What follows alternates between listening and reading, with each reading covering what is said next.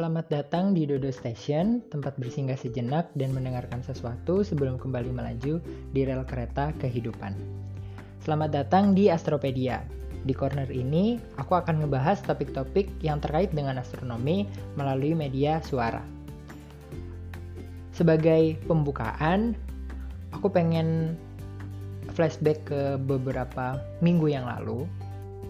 Jadi sempat sekitar dua minggu sebelum podcast ini dibuat, dunia pemberitaan di Indonesia, baik itu pemberitaan online maupun media cetak, itu sempat digemparkan sama sebuah asteroid yang namanya 2021 PDC atau 2021 PDC yang kabarnya bakal menghantam bumi dan akan membuat orang-orang di Amerika dan Eropa itu eksodus atau mengungsi besar-besaran ke bagian Asia Tenggara termasuk Indonesia, Australia, dan Selandia Baru. Waduh, kalau misalnya baca beritanya tuh kayak, aduh, ini gimana nih? Kita tiba-tiba akan kedatangan banyak sekali orang-orang dari negara luar untuk mengungsi, sedangkan di Indonesia sendiri juga udah padat gitu kan akan menjadi sebuah hal yang cukup meresahkan ya sebenarnya. Nah, tapi tenang, guys. Jadi sebenarnya ada beberapa hal yang perlu diluruskan dari eh, berita-berita uh, itu. Yang pertama dan yang utama, si asteroid 2021 PDC itu sebenarnya adalah asteroid fiktif. Jadi nggak ada bendanya di tata surya ini di alam semesta ini nggak ada bendanya. Si 2021 PDC itu sebenarnya adalah objek rekaan yang dipakai untuk latihan yang dibuat oleh International Academy of Astronautics di acara 2021 Planetary Defense Conference tanggal 26 sampai 30 April 2021 di Wiener, Austria. Makanya namanya asteroidnya tadi juga 2021 PDC, jadi itu diambil dari nama acaranya 2021 Planetary Defense Conference, disingkat jadi 2021 PDC. Nah, jadi intinya dalam acara tersebut delegasi-delegasi dari beberapa negara di dunia itu berembuk uh, mereka membuat skenario-skenario tertentu untuk mitigasi kalau-kalau ada bencana dari tumbukan asteroid. Nah, si asteroid 2021 PDC ini ceritanya ceritanya karena ini skenario ya, asteroid sekali lagi asteroidnya nggak ada. Jadi ceritanya ditemukan pertama kali itu di 19 April 2021. Nah, diperkirakan ukurannya itu sekitar 120 meter. Tapi karena nggak tahu pasti tentang karakteristik fisiknya, dia terbuat dari apa, dan lain sebagainya.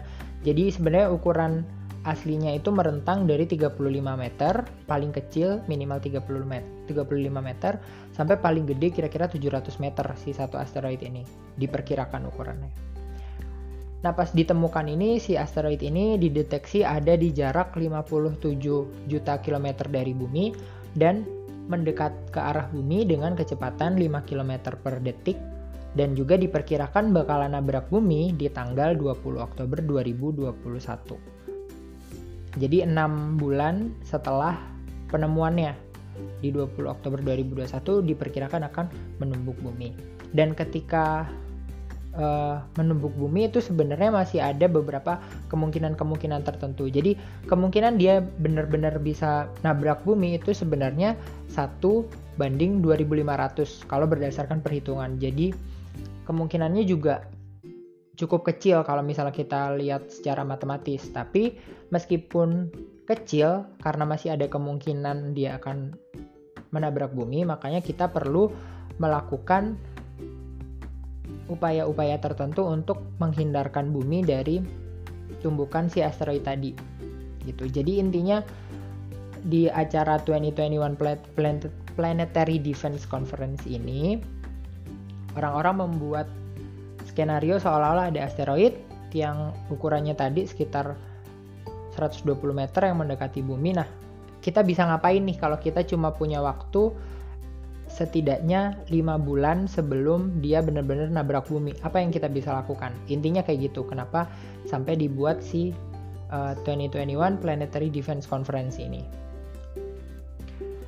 Nah, kalau misalnya kita ngomongin tentang asteroid, asteroid itu sebenarnya apa? Asteroid itu adalah benda yang ada di tata surya sama seperti bumi, sama seperti uh, bulan dan objek-objek lain di tata surya mereka bergerak mengitari matahari. Tapi kalau bulan kan bergerak mengitari bumi, tapi di, dia bersama-sama dengan bumi bergerak mengelilingi matahari. Nah, asteroid ini sama seperti objek-objek lain di tata surya, dia juga mengelilingi matahari, dia juga punya orbitnya, punya lintasan jalannya masing-masing. Nah, bedanya asteroid ini ukurannya kalau kita bandingkan dengan ukuran planet, dia relatif lebih kecil. Tapi ya tetap aja ukurannya gede.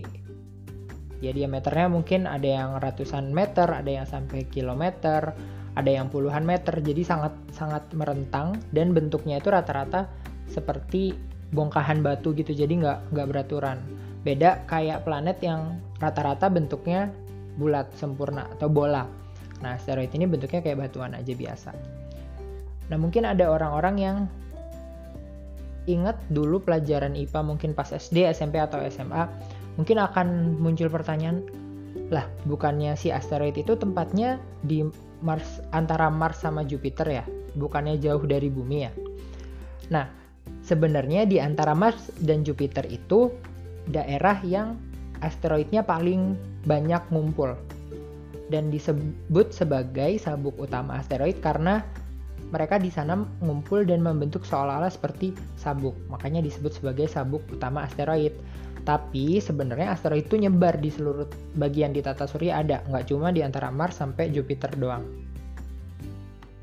Salah satunya ada yang disebut sebagai near Earth asteroid atau asteroid dekat bumi. Nah dari namanya aja udah kebayangkan kalau dia adanya ya di dekat bumi, jadi lintasannya itu ada di sekitar lintasan bumi atau di sekitar orbit bumi. Nah si PDC ini 2021 PDC ini ceritanya adalah salah satu contoh asteroid dekat bumi yang titik terdekatnya ke, e, terhadap matahari ada di dalam orbit bumi dan titik terjauhnya ada, ada di luar orbit Mars. Jadi si lintasannya itu berpotongan dengan lintasan bumi. Makanya bisa ada kemungkinan suatu saat dia nabrak bumi. Dan gak cuma 2021 PDC ini yang Eh, kita kategorikan sebagai asteroid dekat bumi. Yang ada bendanya nyata juga banyak gitu. Makanya di sini mitigasi terhadap tabrakan asteroid itu menjadi salah satu hal yang perlu dipersiapkan. Gitu. Nah, di dalam latihan ini ilmuwan-ilmuwan yang menjadi peserta itu mencoba mensimulasikan kira-kira kalau misalnya 2021 PDC ini benar-benar nabrak bumi, kira-kira dia bakalan jatuh di mana sih gitu. Nah, ini yang kemudian menjadi uh, polemik gitu ya, yang kemudian oleh beberapa media dikutip dan di blow up, yang sayangnya jadinya misleading. Nah, jadi ketika disimulasikan, si asteroid fiktif ini ternyata daerah yang berpotensial ketubruk sama asteroid itu nyebar di 2 per 3 permukaan bumi. Jadi hampir semua permukaan bumi itu punya probabilitas atau kemungkinan yang sama untuk ditumbuk sama si asteroid 2021 PDC ini. Jadi cuma menyisakan 1 per 3 daerah di bumi yang kemungkinan kecil untuk ditabrak gitu. Nah si 1 per 3 ini adalah daerah Greenland, kemudian Asia Tenggara termasuk Indonesia, Australia, Selandia Baru, dan daerah Pasifik Selatan. Nah, makanya itu ketika dikutip oleh beberapa portal berita, orang-orang tuh kesannya jadi pada heboh gitu. Kalau misalnya nggak dibaca uh, summary dari acara konferensinya dengan detail gitu, orang jadi mikirnya oh ini akan ada asteroid nubruk bumi dan cuma menyisakan daerah-daerah yang disebut tadi yang eh, nggak uh, ditubruk gitu. Makanya kesannya jadinya oh ini berarti orang-orang daerah Amerika, Eropa, kemudian Afrika, Asia Barat, Asia Tengah, Asia Timur bakalan ngungsi ke daerah-daerah Asia Tenggara, Australia dan Selandia Baru dong gitu. Padahal ya sekali lagi tadi asteroidnya hanya fiktif, jadi nggak benar-benar ada. Nah dari hasil simulasi tadi itu dampaknya bisa kita katakan cukup masif karena dia bisa mempengaruhi daerah yang radius 470 km dari tempat tumbukan dan kalau misalnya di total berapa populasi di bumi yang bisa terpengaruh itu bisa mencapai 86 juta populasi bumi. 86 juta itu berarti kalau misal kita relatifkan ke penduduk Indonesia ya setengah penduduk Pulau Jawa atau sepertiga penduduk Indonesia secara total. Jadi emang dampaknya cukup masif. Nah, dampak paling ringan itu ya standar ya gempa dan kerusakan bangunan. Tapi kalau misalnya tabrakannya cukup heboh, itu bisa sampai mengakibatkan perubahan iklim dan juga perubahan ekosistem di bumi. Jadi dampaknya dari yang sederhana sampai yang cukup mengkhawatirkan gitu. Kalau udah sampai merubah ekosistem kan artinya ya dampaknya udah cukup untuk membuat kita khawatir sebenarnya. Nah, tadi dari hasil simulasi tadi, jadi kemudian para ilmuwan tadi diskusi nih, kira-kira upaya apa yang bisa kita lakukan. Nah, akhirnya mereka menyimpulkan bahwa yang paling visible atau yang paling mungkin untuk dilakukan itu adalah pemakaian NED atau nuclear E-nya itu explosion kalau nggak salah nuclear explosion device atau kalau bahasa Indonesia-nya gawai peledak nuklir. Nah di situ dia co coba susun rundownnya lah kira-kira harus kayak gimana nih prosesnya. Jadi intinya si NED ini kerjanya adalah dia akan mendekati si asteroidnya tadi, lalu akan diledakkan dengan daya nuklir sama seperti namanya, sehingga dia akan meledak jadi potongan-potongan yang lebih kecil. Nah, dari hasil peledakan itu diperkirakan si pecahan utamanya yang paling gede jadi yang tadi uh, sekitar bisa sampai 700 meter dia bisa diperkecil sampai maksimal 118 meter sisanya dan juga kalau misalnya dia bener-bener si si, si pecahan yang paling besar ini benar-benar nabrak ke bumi, jadi radius terdampaknya tadi bisa dipersempit yang tadinya sekitar 470 km jadi sisa 160 km dan populasi terdampaknya juga bisa di-cut sampai 70% dengan cara memecahkan asteroidnya tadi. Nah, di latihan ini juga sebenarnya udah dibahas juga misalnya memang harus melakukan itu, kira-kira technical shortcomings-nya, tantangannya itu apa aja dan saran-saran buat menanggulangi tantangan-tantangan itu. Mungkin juga jadinya ada pertanyaan ya, terus ngapain sih bikin latihan-latihan kayak gini? Kayak kesannya kurang kerjaan banget, orang bendanya nggak ada, ngapain diada-adain sih, ngapain pakai didiskusiin segala macem. Sebenarnya ya jawabannya simple sih, untuk tadi mitigasi bencana kalian pasti ada lah yang beberapa yang pernah ikutan simulasi gempa atau simulasi kebakaran. Itu kan juga sebenarnya sama ya kejadiannya. Belum tentu terjadi gitu. Kita belum tentu ngalamin gempa, kita belum tentu ngalami kebakaran ya sama. Di dalam konteks Planetary Defense Conference ini juga ya sama. Kita juga belum tentu kena bakalan kena tubrukan asteroid. Tapi dari simulasi atau latihan kita kan jadinya tahu nih harus ngapain. Atau misal dalam uh, keadaan gempa atau kebakaran tadi kita harus lari ke mana apa yang harus kita lakukan terus uh, alat pemadam kebakaran ada di mana kalau ada kebakaran itu kan kita udah tahu karena kita udah pernah latihan. Nah sama nih si latihan ini juga tujuannya itu supaya kita tahu harus ngapain kalau ada resiko tabrakan asteroid sama bumi supaya bisa mempersiapkan dan mengurangi dampaknya. Supaya nggak panik nggak kaget ketika udah asteroid beneran ada deket terus pelangap pelongo bingung mau ngapain nantinya kalau nggak ada forum latihan atau simulasi seperti ini. Lah tapi kan kalau kita belajar di IPA bumi kan punya atmosfer yang katanya bisa ngebakar asteroid sampai habis. Benar bumi memang punya atmosfer yang memang kalau ada benda asing yang masuk ke bumi dia akan bergesekan dengan udara di atmosfer terbakar sampai habis tapi kalau misalnya objek yang masuk ini ukurannya cukup gede biasanya atmosfer nggak akan sanggup ngebakar sampai habis jadi masih ada sisa yang akhirnya bisa tetap menumbuk permukaan bumi sebenarnya kalau misalnya dipikir juga setiap hari bumi itu juga kejatuhan benda-benda batuan dari luar angkasa gitu. Tapi mostly karena ukurannya tidak terlalu besar jadi kebakar habis di atmosfer. Nah mungkin jadi ada pertanyaan juga, emang kenapa sih kalau misalnya asteroid itu nabrak bumi? Kira-kira apa yang akan terjadi? Ya banyak sih hal yang bisa terjadi. Kalau yang paling common adalah gempa. Jadi ya karena asteroidnya kecepatannya tinggi terus numbuk bumi jadi ada energi yang lepas akhirnya akan menimbulkan gempa yang tentunya itu bisa dirasakan oleh orang yang tinggal jauh dari lokasi tumbukannya juga gitu. Jadi bisa terjadi gempa, kemudian di tempat tumbukannya bisa ngebentuk kawah gitu. Jadi kalau misalnya di daerah pemukiman jatuhnya ya otomatis pemukimannya akan hancur atau mengalami kerusakan bangunan lah seenggaknya. Atau bisa juga kalau misalnya dia jatuhnya di laut, itu bisa nyebabin tsunami.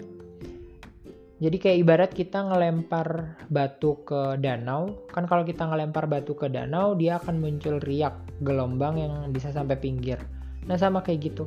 Jadi kalau misalnya ada asteroid jatuh ke laut, ya otomatis ada gempa, terus di dasar laut akan muncul kawah tumbukan kalau misalnya kecepatannya cukup tinggi lalu ya akan muncul tsunami dari riak yang terbentuk atau gelombang yang terbentuk tadi ya otomatis itu juga akan ngasih dampak ke orang-orang yang tinggal di pesisir meskipun mungkin dia tidak mengalami kerusakan secara langsung dari tumbukannya tapi ya tsunami-nya tadi yang akhirnya menyebabkan kerusakan-kerusakan tertentu. Nah, sebagai contoh sebenarnya ada beberapa yang tercatat oleh sejarah manusia. Jadi yang kejadian-kejadian yang terjadi ketika manusia sudah mulai mencatat kejadian-kejadian itu.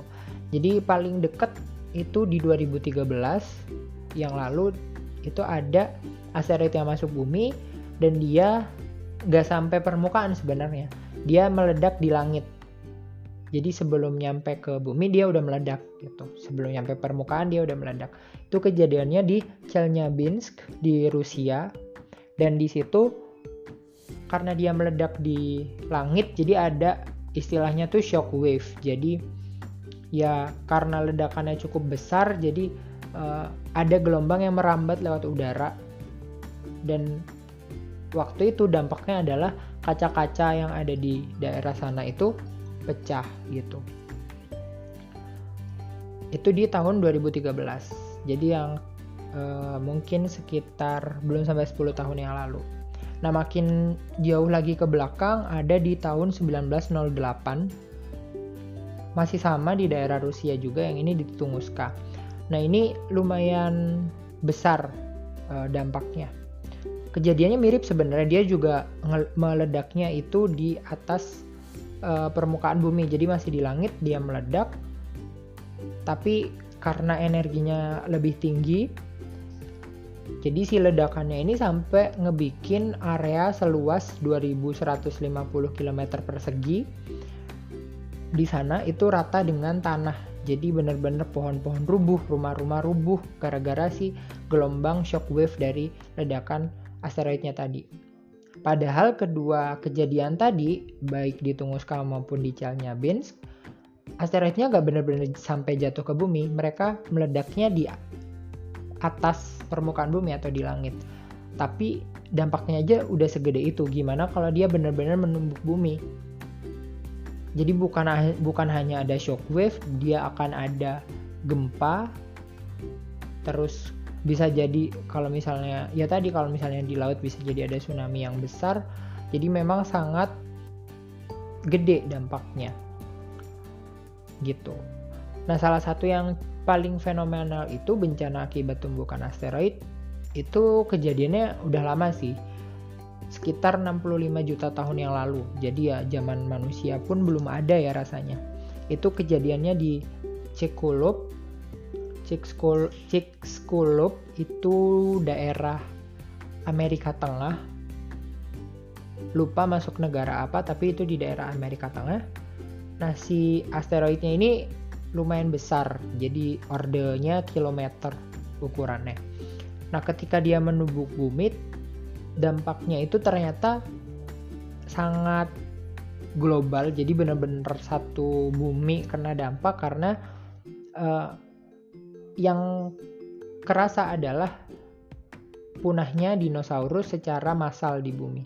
Jadi dinosaurus menghilang dari permukaan bumi itu diperkirakan juga salah satu akibat dari tumbukan asteroid Chicxulub tadi.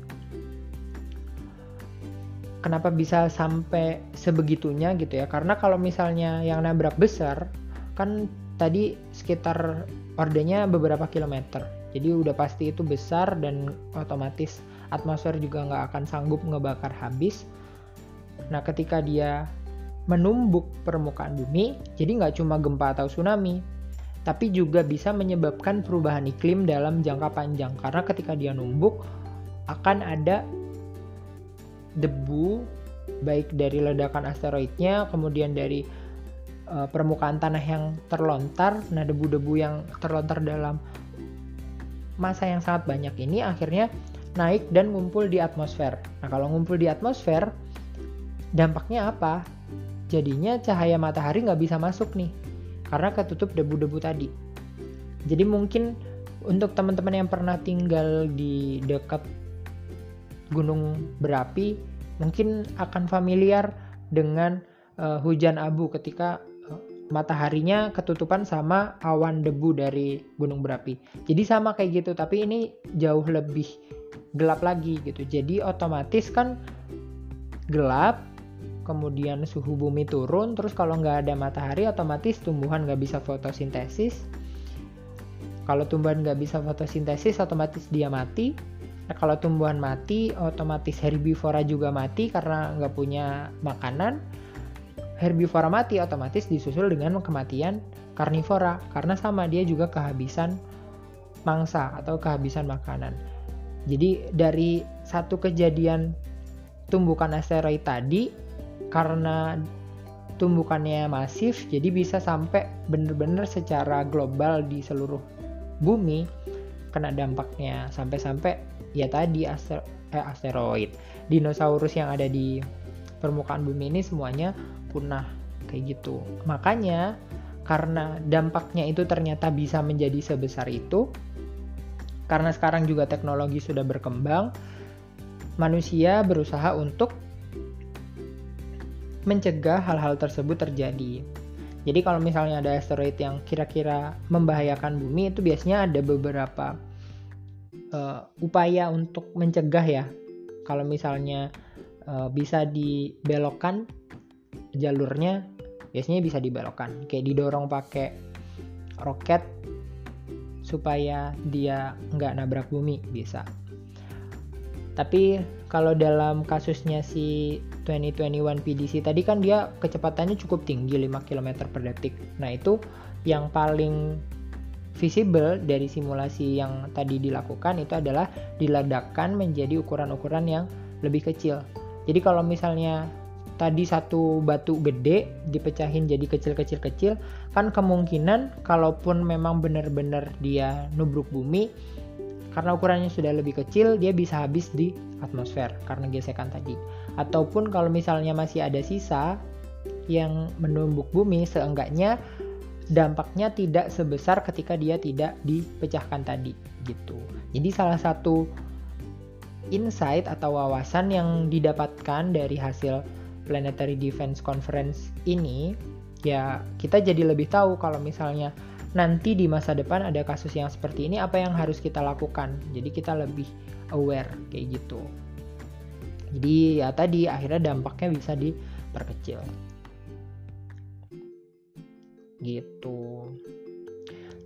Jadi sebenarnya ya tujuan utama tadi dilakukan itu semua ya meskipun efek sampingnya jadi banyak berita yang misleading dan bikin heboh ya artinya itu bisa kita gunakan menjadi uh, sebuah upaya pencegahan atau setidaknya kalau tidak bisa benar-benar dicegah kita bisa mengurangi dampak dari bencana akibat tumbukan asteroid tadi. Sebenarnya nggak cuma tumbukan asteroid aja sih seharusnya ya untuk semua bencana ya mau itu gempa bumi mau itu tsunami gunung meletus apa pun itu seharusnya ya kita benar-benar mempersiapkan diri untuk semua kejadian itu. Meskipun kita belum tentu ngalamin tapi seenggaknya kita udah mempersiapkan the worst case gitu. Karena at the end of the day we just want to live safely right gitu. Kita cuma ingin hidup secara lebih aman supaya kegiatan kita juga tetap bisa berlangsung dengan baik. Kayak gitu. Jadi tujuannya ya untuk supaya orang-orang di bumi ini semuanya aman gitu. Sebenarnya jadi mungkin sekian sedikit klarifikasi terkait asteroid PDC 2021 tadi dan juga cerita tentang asteroid dan dampaknya kalau misalnya dia sampai nembus bumi. Jadi sekarang kalau misalnya teman-teman dapat broadcast di grup WA Indonesia akan menjadi tempat pengungsian warga Eropa akibat tumbukan asteroid. Teman-teman sekarang bisa meluruskan pesan-pesan yang berantai dari grup ke grup itu. Jadi supaya tidak semakin meluas nih hoax yang tersebar gitu. Oke, okay, see ya when I see ya. Semoga singgahmu hari ini menyenangkan.